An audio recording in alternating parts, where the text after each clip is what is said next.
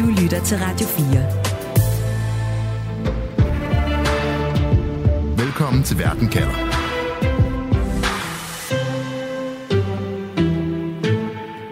Fra i dag er det ikke kun skolekammerater og forældre, der vinker farvel, som du kan støde på, når du skal i skole i Frankrig. Der kan du som skoleelev nemlig også risikere at støde på det franske tøjpoliti. Og har du kjole på, der dækker dine arme og ben, så kan du havne i problemer, for den franske regering har forbudt skolepiger at bære den muslimske klædedragt af bajagen, som altså netop er en, en lang kjole, der dækker størstedelen af ens krop. Regeringen og præsident Macron siger, at de vil beskytte den franske skole, som de siger er under angreb.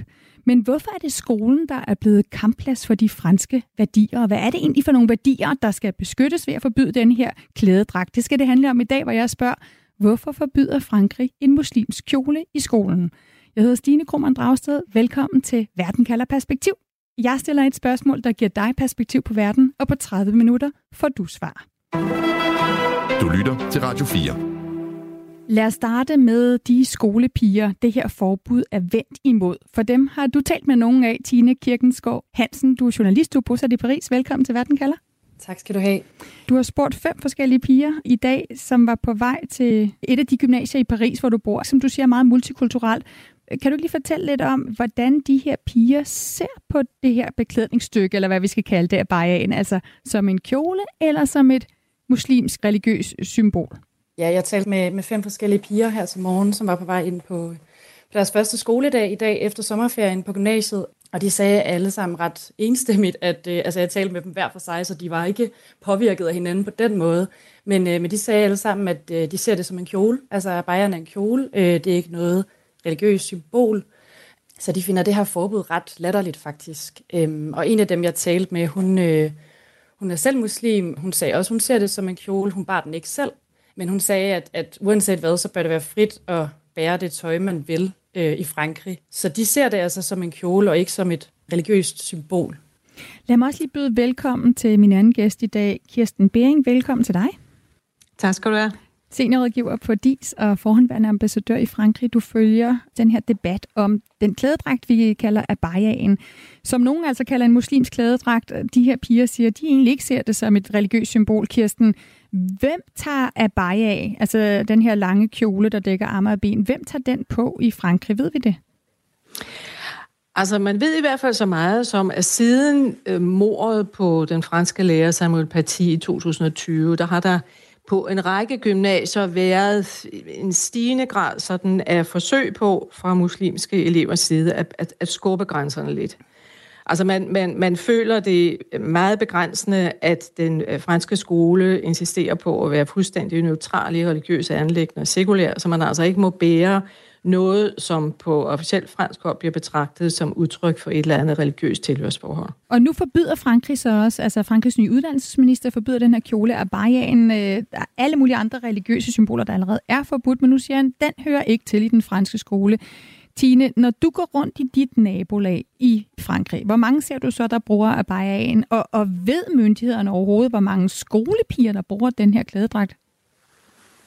Ja, altså det er jo selvfølgelig svært at sige noget generelt, altså, altså hvordan, hvor mange øh, kvinder og piger, der i hele Frankrig bager abaya, men, øh, men i mit område, jeg bor tæt ved Port de Clignancourt i øh, det nordlige Paris, Øhm, og i går var jeg ude og, og gå en, en lille tur i mit øh, kvarter, og der så jeg for eksempel to kvinder, der bar en abaya, og der er jo ret mange mennesker i Paris. Øh, så det er jo ikke, fordi det er noget, man ser hele tiden. Øhm, og så er der jo så, øh, altså fordi ude på skolerne kan de anmelde det, de ser som brud på sekularismens øh, principper.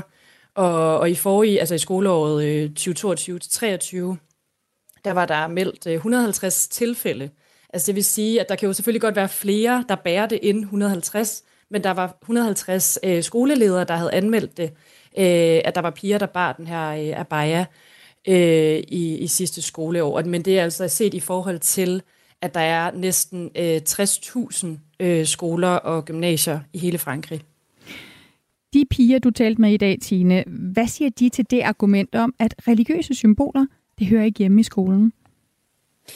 Det var de fleste af dem sådan set enige i øh, som udgangspunkt.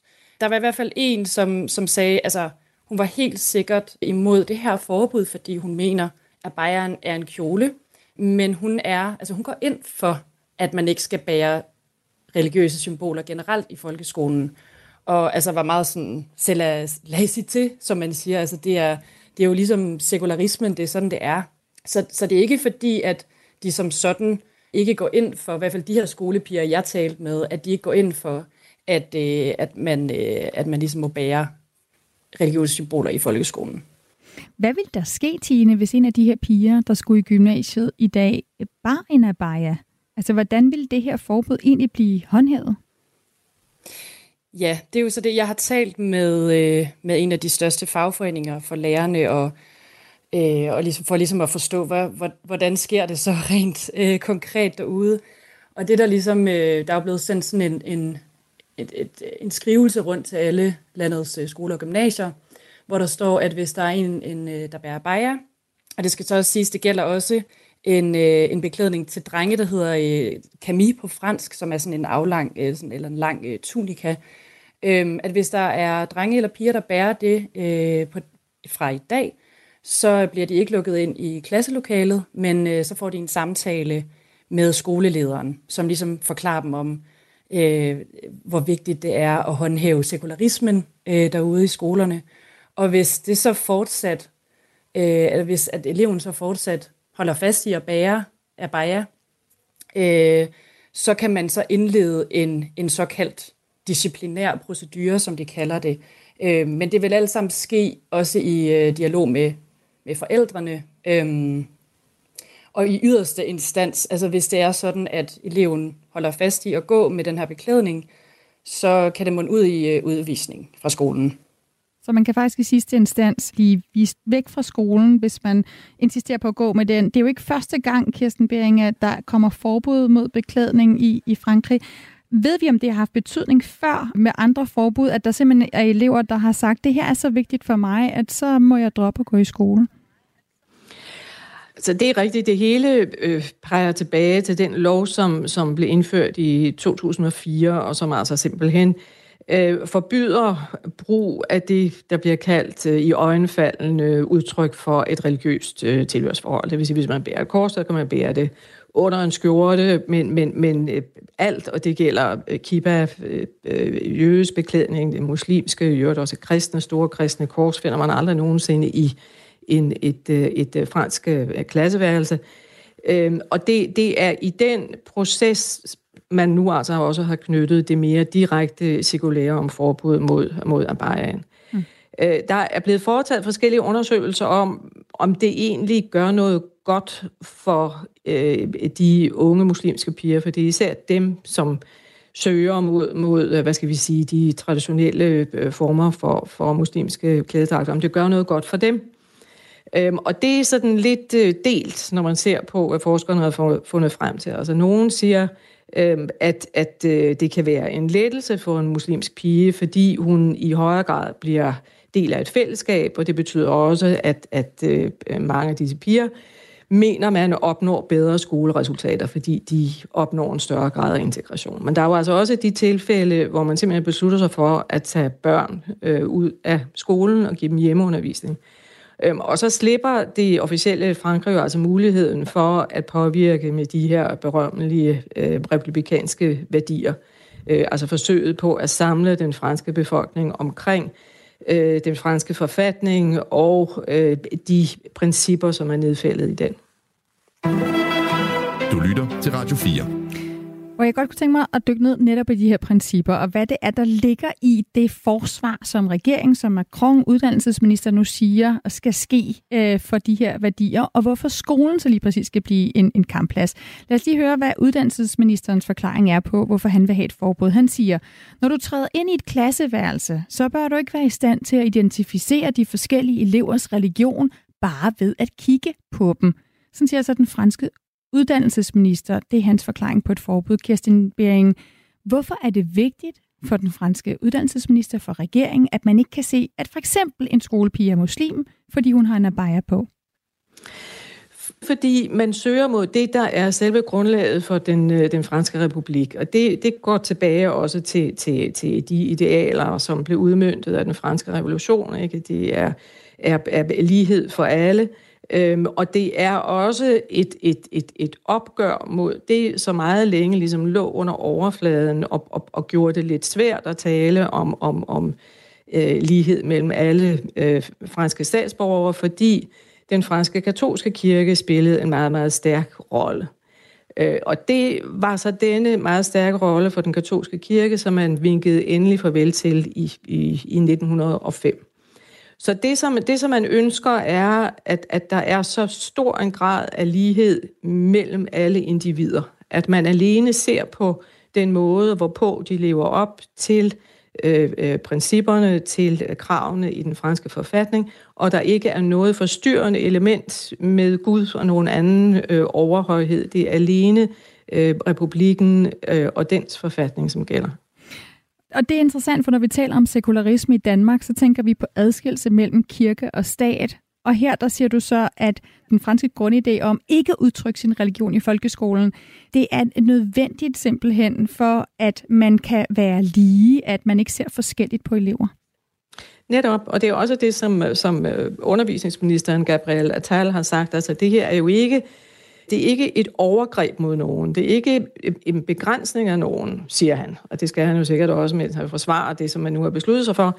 Vi sætter alle fri, siger han. Det her det er en, den, den, den yderste frihed for alle, fordi det ikke på nogen... Man, man får ikke begrænset sin identitet, identitet for eksempel af et religiøst øh, tilhørsforhold. Og man kan udøve sin religion så meget man vil i sit privatliv, men det har ikke noget med den franske republiks officielle institutioner at gøre.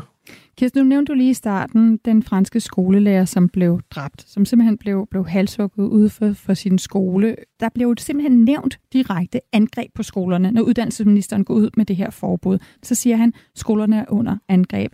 Det er ikke i overført betydning, at han taler om angreb. Det er simpelthen også fysiske angreb på den franske folkeskole, som han kobler det her forbud til.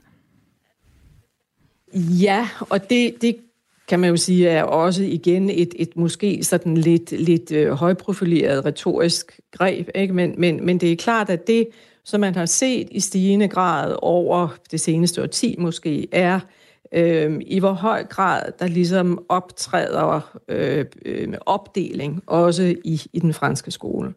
Øhm, og det er det, man forsøger ligesom at, at udjævne det bedste, man har lært. Og det, der skete i 2020 med denne, denne øh, stakkels lærer, som parti, var, at han ønskede at vise en klasse øh, nogle Muhammed-tegninger fra øh, det franske satiremagasin øh, Charlie Hebdo. Øhm, han sagde så også til, til, til de muslimske elever, som, som var i klassen, at, at I må meget gerne forlade undervisningen nu, hvis I tror, at det eventuelt er noget, som vil krænke jer. Øhm, og det, det, det var noget, som chokerede den franske regering, den franske præsident, som jo også dengang hed, hed Macron, fordi øh, det var et, et voldsomt angreb på øh, ytringsfriheden. Altså endnu et af disse helt centrale principper for, for den franske republik. Øh, om man nu i dag tænker så meget på, på, hvad skal vi sige, den fysiske vold mod skolen, det tror jeg ikke nødvendigvis, men det er altså selve det, at der er et, mener man, sådan mere eller mindre konstant angreb mod selve de værdier, som bærer ikke alene skolen, som er der, hvor man uddanner de franske statsborgere til øh, en, en voksen fremtid, øh, men altså også, at, at selve værdigrundlaget øh, for den franske republik øh, er under anklage i visse miljøer. Altså der må man jo også mm. sige, at, at, øh, at de, de franske muslimer er et mindretal, og det er sandsynligvis også et, et, et, et lille mindretal af dem, som forholder sig mere radikalt til, til udøvelsen af deres tro. Så forbud kommer, fordi Macron, fordi hans regering siger, at vi bruger skolen som et værktøj til at, at mejsle den franske republiks værdier ind i de unge, men det kommer også, siger du, Tite Kirkensgaard Hansen, fordi de franske skoleledere har bedt om klare retningslinjer. Hvorfor har de brug for det? Ja, altså de har jo især siden øh, det frygtelige øh, mor på øh, Samuel Paty øh, stået øh, lidt uklart i nogle spørgsmål i forhold til, hvordan de altså, skulle håndtere øh, eller skulle fortolke lovgivningen fra 2004. Øhm, Og der har været nogle skoler, øh, der er jo selvfølgelig nogle områder i, øh, i landet, hvor der er flere muslimer, eller i hvert fald flere øh, piger, der bærer abaya end andre. Og der har jo så i særdeleshed været nogle få skoler, som, hvor at udfordringen, kan man sige, øh, har været større end andre. Øh, og så har der været nogle skoler, der har, øh, der har forbudt det, altså ude på den enkelte skole, eller i hvert fald øh, været i tvivl om, hvorvidt de skulle forbyde det. Øhm, og så har de synes, øh, de, har, de har følt sig ladt i stikken simpelthen af myndighederne, fordi de har jo set konsekvenserne af radikal islamisme, øh, altså den aller værste øh, udgang med, med, med drabet i 2020. Øhm, så de har, øh, de har simpelthen krævet fra ministeriet at, øh, at få nogle klare regler på det her område. Øhm, men igen skal det siges, at det er jo ikke, altså det er skoleledernes øh, fagforening, der siger det, ja. men, men det er et, et, et fortal af skoler, der har oplevet problemer med det. Ja, for du siger, du fortalte mig, at du også har talt med en, der arbejder som for med at repræsentere de franske skolelærere, altså en fra den største fagforening øh, for lærerne, som, som arbejder specifikt med sekularisme. Og hun siger til dig, at forbuddet egentlig ikke kommer til at ændre meget for skolerne. Der allerede er en rigtig god dialog derude. Så hvorfor er det nødvendigt med et forbud mod den her klædedragt af bajagen, hvis der allerede i høj grad altså fungerer en, altså er en god dialog ude på skolerne? Ja, altså det er jo det her igen med, at der er klare linjer for alle landets skoler, og at nu kan, kan skolelederne sige, øh, det er ikke os, der vurderer, at abayaen skal forbydes. Det er ministeriet, der siger det. Så på den måde kan skolelederne også ligesom få, øh, altså, altså få bedre opbakning, kan man sige, fra myndighederne, men også få en bedre dialog med øh, eleverne og forældrene, fordi så har de ikke øh, så er det ikke dem, der har vurderet det. Så kommer det ligesom fra øverste instans. Mm. Øhm, men samtidig så siger hun også, øhm, øh, hende jeg talte med fra lærernes fagforening, hun, hun siger jo, at det kommer ikke til at ændre sig meget, som sagt, fordi der er en god dialog, men, men det primære er ligesom det her med, at der nu kan komme den her øh, officielle øh, yderste instans, som er, at det kan blive en, øh, en udvisning fra skolen. Men, men det vurderer fagforeningen altså kun vil ske i meget få tilfælde, fordi der er en god dialog allerede. Øhm, og det, der ligesom er det vigtige for dem at se på, det er jo ligesom intentionen, som også er det, der ligger i, øh, som også bliver diskuteret rigtig meget i Frankrig lige nu, altså det, der ligger i lovgivningen fra 2004. Fordi hvad er intentionen bag at bære det, man bærer? Øhm, så det er ligesom vigtigt, øh, sagde hun fra, fra fagforeningen, at hvorfor er det, de bærer abaya? Altså, er det fordi, altså det grundlæggende bag det, hvis det er fordi, at de ønsker at skjule deres kroppe på grund af religion, så er det det, de skal kigge på, i stedet for at forbyde det. Altså, igen til sådan lidt, det bliver jo sådan lidt fluffy på en måde, fordi så er det jo igen, når man, hvornår, hvornår skal man så tolke, at det, det er det ene eller det er det andet. Men det er ligesom, at det hun siger, at de bør øh, gå i dialog med pigerne øh, og deres forældre om. Mm. Fordi de ser også allerede nu, at at unge, altså fordi den her debat har også været i gang i, i længere tid, den er jo ikke bare kommet lige pludselig fra den ene dag til den anden, men, men de har set i længere tid, at unge på sociale medier snakker om, hvordan de kan omgå forbuddet. Øhm, fordi det jo er så konkret nu, at det er Bayern, og så snakker de om, en, hvad kan vi så ellers bære, som ligesom ikke er konkret øh, den her beklædning. Så der er en masse mellemregninger her, Kirsten Bering. Øh, prøv lige at hjælpe mig med, med, med at forstå det argument, der jo også så kommer fra politisk øh, forhold fra Macron og uddannelsesministeren hvor deres resonemang lyder, at et forbud mod en klædedragt så skulle hjælpe, det rammer nogle muslimske piger, men hvordan kan det hjælpe med at bekæmpe parallelsamfund eller beskytte de franske værdier mere generelt? Er det så, fordi man tror, at det er mere et symbolsk indgreb, men det vil så skabe en debat i hele Frankrig om, at man så sandelig skal være fransk og gå ind for de franske værdier? Altså, det, det, det rummer mange af de elementer, som du nævner der. Altså for, for det første, så, så øh, når man holder sig voldsomt fast i, i, i den, den, den sekulære natur af de øh, øh officielle franske institutioner, øh, øh, så er det fordi man også mener og tror, at det er øh, den eneste måde, hvorpå man for alvor kan få et integreret Frankrig. Altså, det, det nytter ikke noget at tillade, at der udvikler sig, hvad skal vi sige, små grupper, som ligesom går egen veje. Men det er jo også rigtigt, som, som, som I har sagt, at, at øh, der er måske 7.000 øh, gymnasier, ikke? og det, der er 150 af dem, som har haft, øh, haft problemer.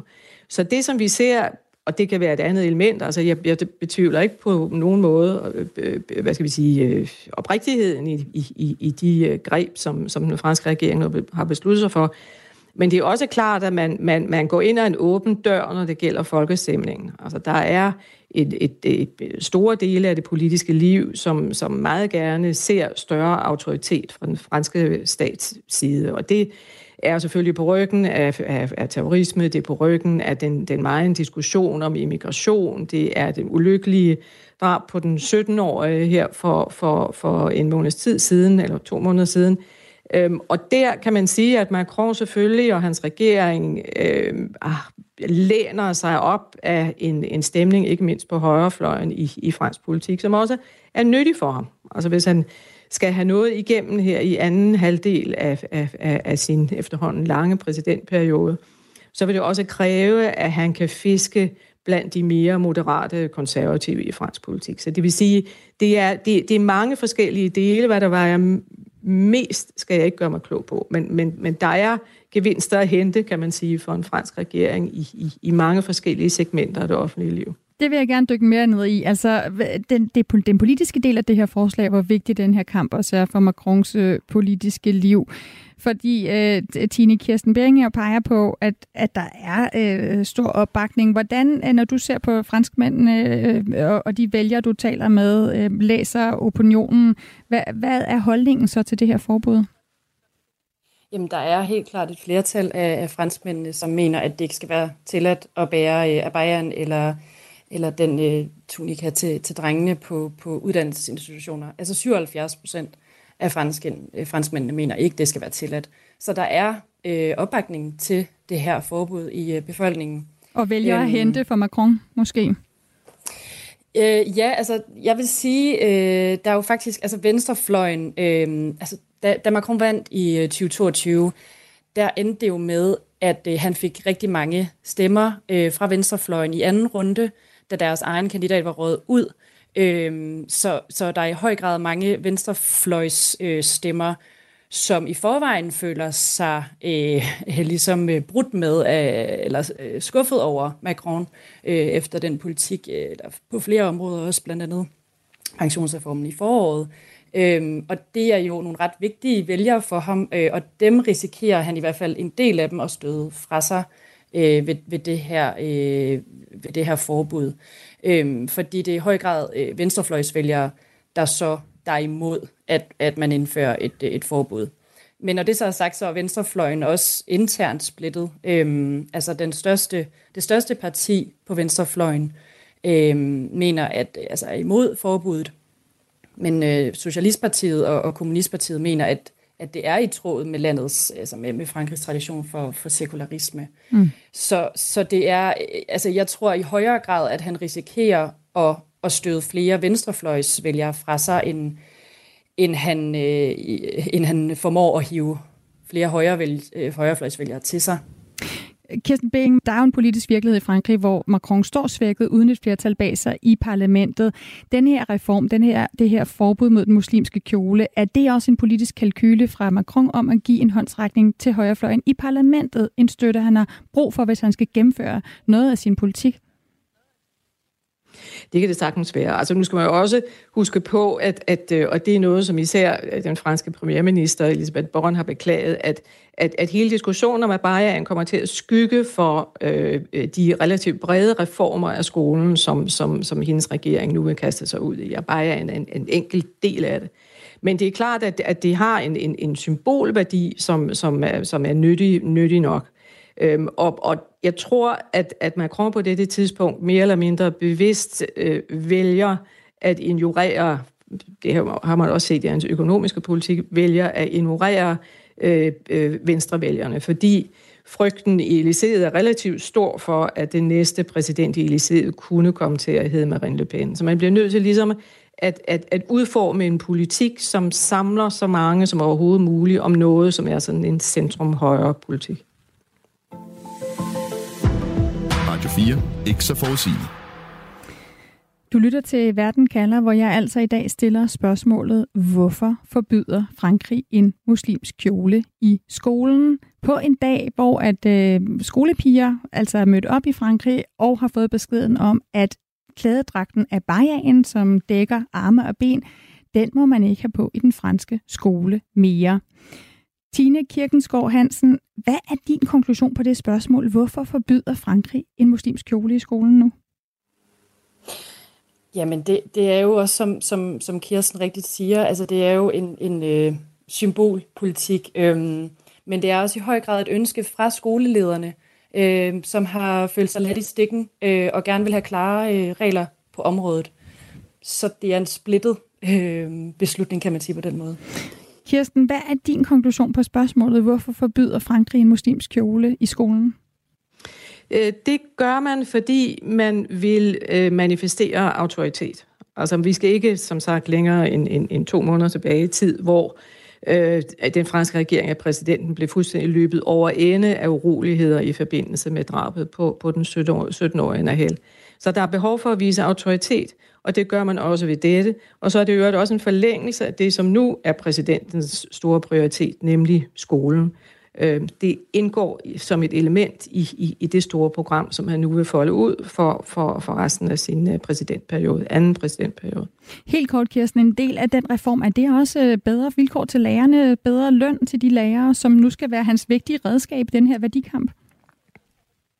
Netop. Altså det skal være det, og det er læseplaner og mere matematik øh, og mere, mere fransk. Øh, så så det, det, det er en, en bred øh, vifte af, af, af tiltag og sådan noget som bedre løn til, til læger, og også noget, som han, man har diskuteret næsten lige så meget som er Bayern.